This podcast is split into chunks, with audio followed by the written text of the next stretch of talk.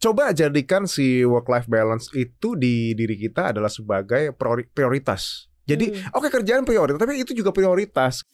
Gimana nih caranya gitu Hmm. ya? Sementara kan di beberapa cultures ya lo harus work hard, Ya. harus kerja keras, kelihatan nih kerja Ya. keras ya. Karena kalau misalnya lo nggak kelihatan kerja keras, lo kayaknya nggak, lo belum kerja lo, lo nggak kerja, performa lo mm-mm. jelek. Jadi sebetulnya work life balance ya. Saat hidup lu itu apa lebih balance, lu lebih stabil, lu lebih happy gitu. Lu akan punya kesempatan untuk uh, learn something ya yang baru yang yang menurut gue yang mungkin lu nggak pernah temukan ini dan itu akan menjadi peluang-peluang let's say penghasilan ke depannya seperti apa.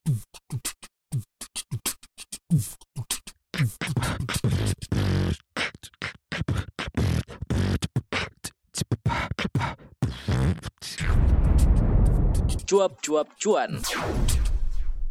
Hai Sobat Cuan apa kabar? Selamat datang di podcast Cuap Cuap Cuan Hari ini ada Aulia Akbar, Financial Expert Halo, halo. CNBC Indonesia dan juga ada Maria Katarina Kita akan ngomongin soal hal yang jauh lebih realistis lagi di 2024 Kenapa ya kita harus kayak gitu ya? Karena kan Yeah. kalau 2023, 2022 tuh kita mengatur atau ngajakin Sobat Cuan untuk ngatur keuangan Gimana caranya untuk lebih meningkatkan penghasilan Hmm. menekan uh, pengeluaran gitu Ya. ya. something yang hard things to do susah kadang-kadang kita kita kadang-kadang ngomong gini menambah penghasilan enak aja lo ngomong susah tahu emang susah bener kok sobat cuan kita Ya, ya. akui Apalagi bersama. 2023 ya udah chat, chat GPT dan lain sebagainya. ya. Ah, ah, bener Gila. kan gila sekali makanya sekarang nggak apa-apa deh kita ajak sobat cuan untuk lebih uh, balance life-nya ya di work life balance Oke. gitu Hmm. gue pernah uh, ngobrol-ngobrol sama Hmm. beberapa orang atau beberapa expert yang bilang katanya nggak ada tuh Mm-mm, uh, teorinya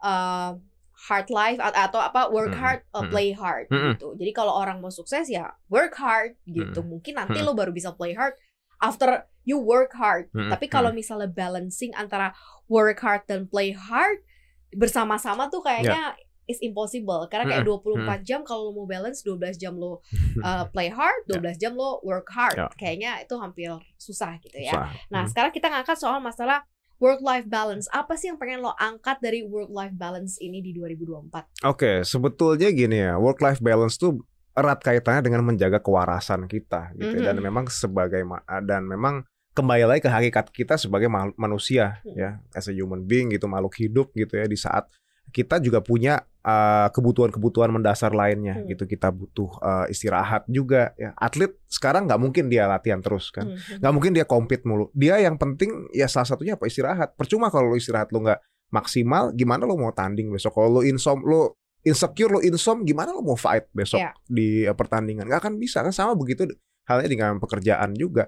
Kerja terus kayak gitu nggak ada apa namanya nggak ada balance-nya sama Mhm. sekali, ngerugiin badan, ngerugiin tim juga bisa-bisa Mhm. di situ. Ujung-ujungnya ya well oke mungkin lo dapat yang namanya appreciation gitu dari apa dari atasan lo atau dari company lo tapi lo bisa jadi dimusuhin sama tim lo sendiri atau lo jadi musuh dari diri lo sendiri kesehatan lo sendiri nah itu yang Hmm. namanya nggak balance nah Berarti apa pun yang sedang lo kerjakan itu Hmm. back-nya tuh adalah ke diri sendiri Iya, gitu ya. iya Ke personal uh, secara personal Secara gitu ya. Arti personal, kesehatan mm-mm. fisik, kesehatan Betul. mental yang paling pertama gitu ya. Mm-mm, di situ jadi iya Jadi Mbak. endapnya apa Iya. nih kalau misalnya kayak kesehatan mental, kesehatan fisik yang utama, lo harus benar-benar bisa menakar eh, pekerjaan lo Mm-mm. atau kayak misalnya mengerti at- apa kata cukup dalam pekerjaan atau seperti apa? Iya, sebetulnya yang paling uh, penting adalah mengetahui gitu sampai uh, batas make sense-nya ini pekerjaan kita tuh sampai seberapa sih gitu. Hmm, Dengan oke. penghasilan kita sekian Oke. gitu ya.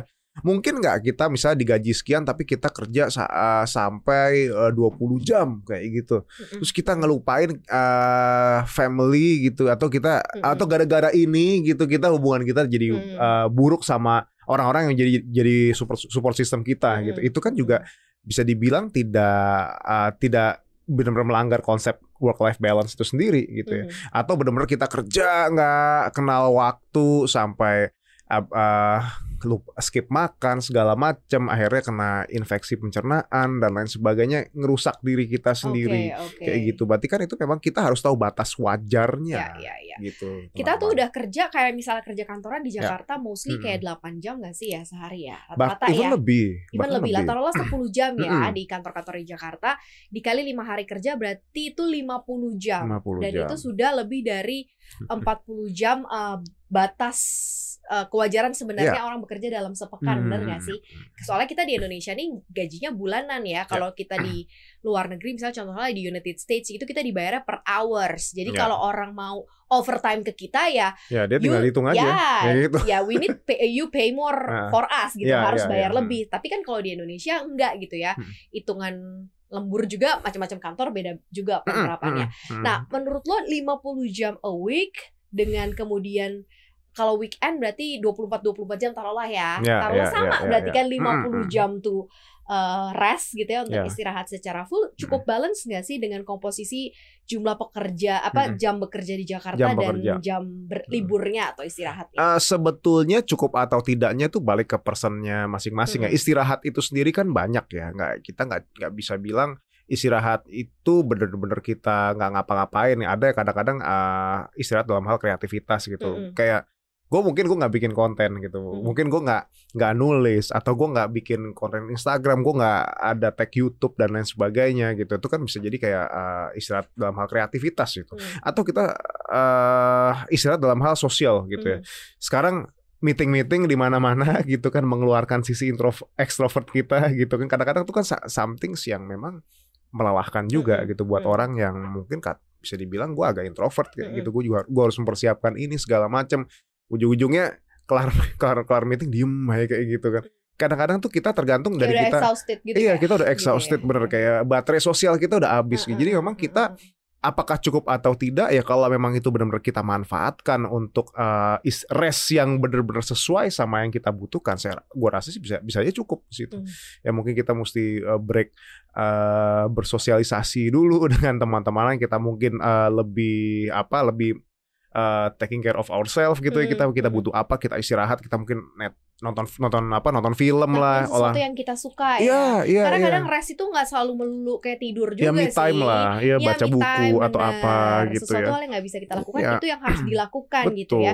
Biar ketika masa lo work ya lo work gitu Mm-mm, ya. Ketika mm-mm. setelah itu life lo tetap jalan iya gitu recharge ya. Recharge. ya, gitu intinya begitu Tapi kalau kantoran tuh gimana sih untuk work life balance Iya. menurut lo? Karena gini, karena kan kalau misalnya kita kan dihadapkan dengan tanggung jawab yang Ya. eh, eh, ya macam-macam lah ya. Ada yang ada bentuknya Mhm. mungkin KPI, ada yang bentuknya target target ya, iya kan. Soalnya Target. kalau nggak nggak nggak kecapai ke Iya, sana, iya, iya, istilahnya iya. gini kayak hari ini oke gue kayak oke lah gue bisa 5, 10 jam Iya, gitu. iya, iya. Tapi targetnya belum nyampe besok aja Iya. besok bisa jadi Besok 12 udah bisa jam. jadi 12 jam kayak 14 gitu ya. jam gitu kan bahkan over Ya, bahkan ya, di ya. rumah masih lanjut Iya, lagi gitu kan. banyak banyak bahkan ada yang di rumah istirahat dulu, eh jam 11 malam lanjut dong sampai jam 2 kayak gitu. Ini, ini kayak Eh, deh, terima terima WhatsApp dong gue kayak gitu. Terima WhatsApp.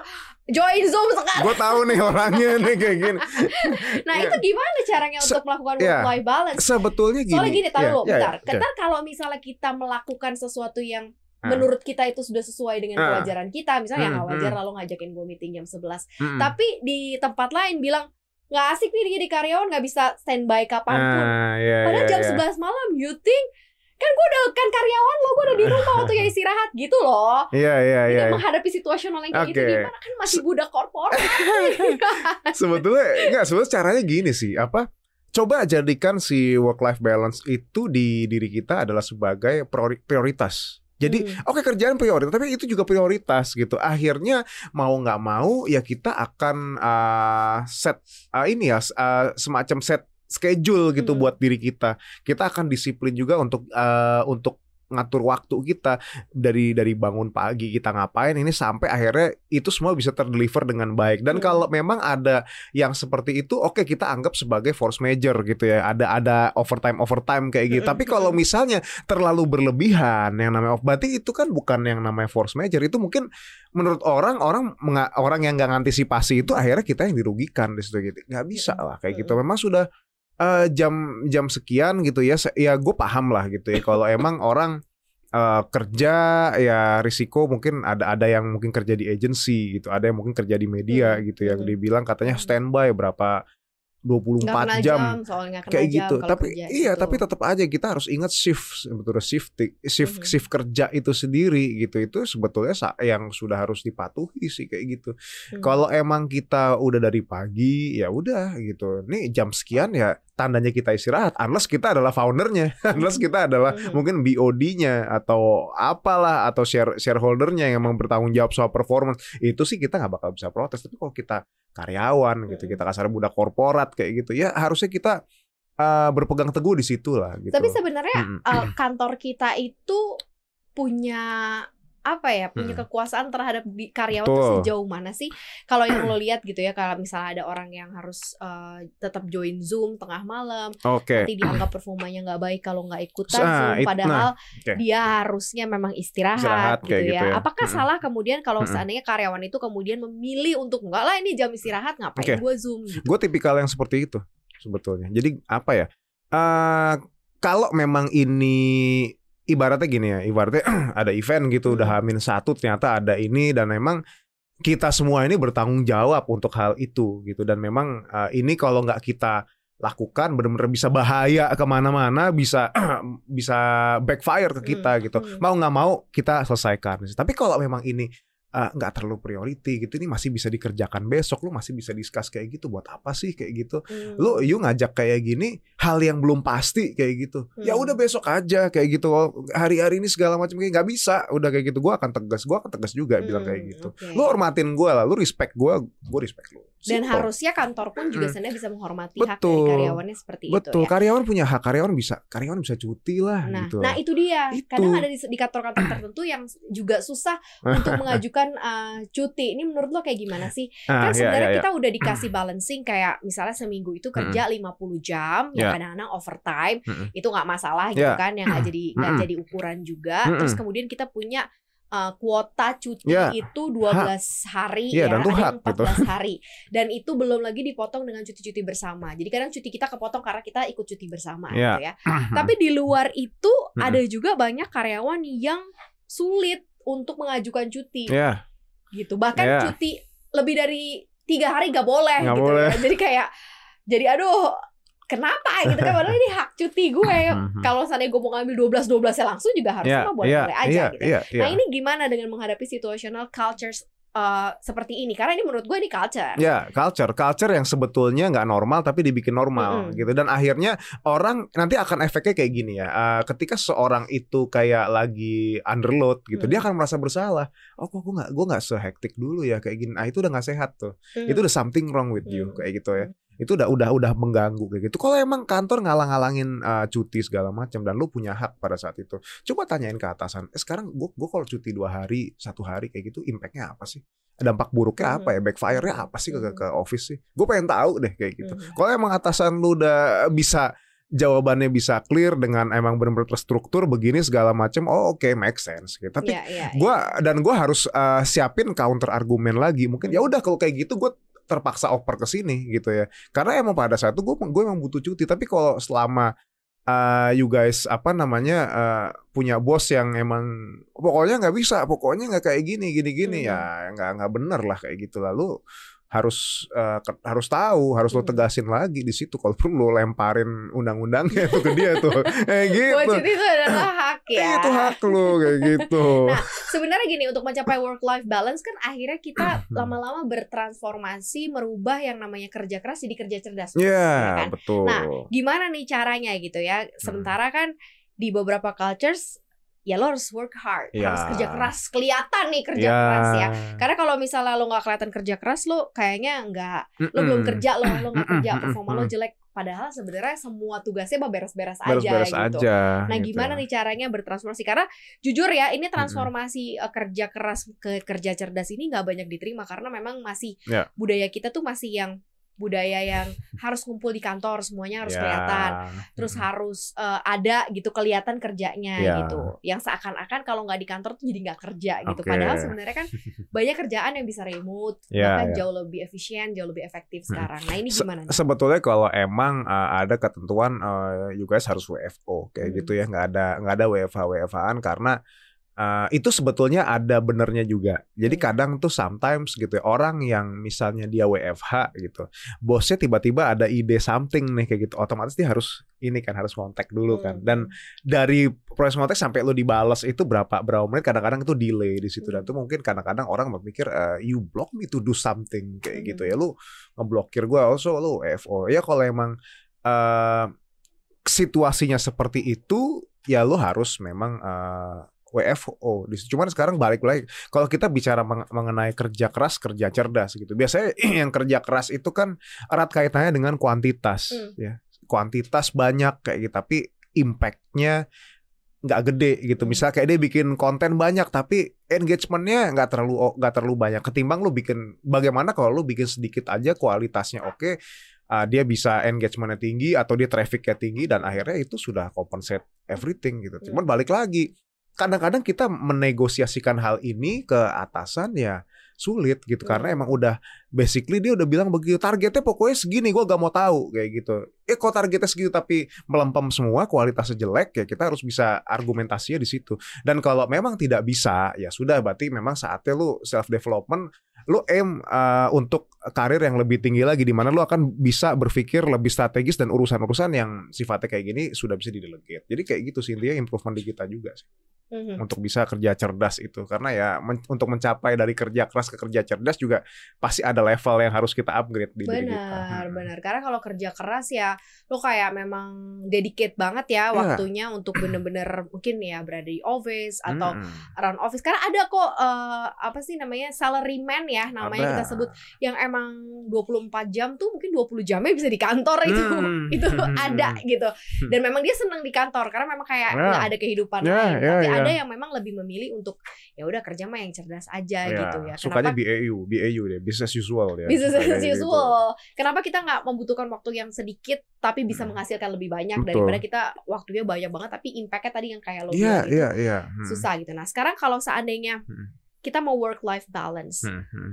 akan lebih gampang kah untuk mencapai fin- tujuan financial goals?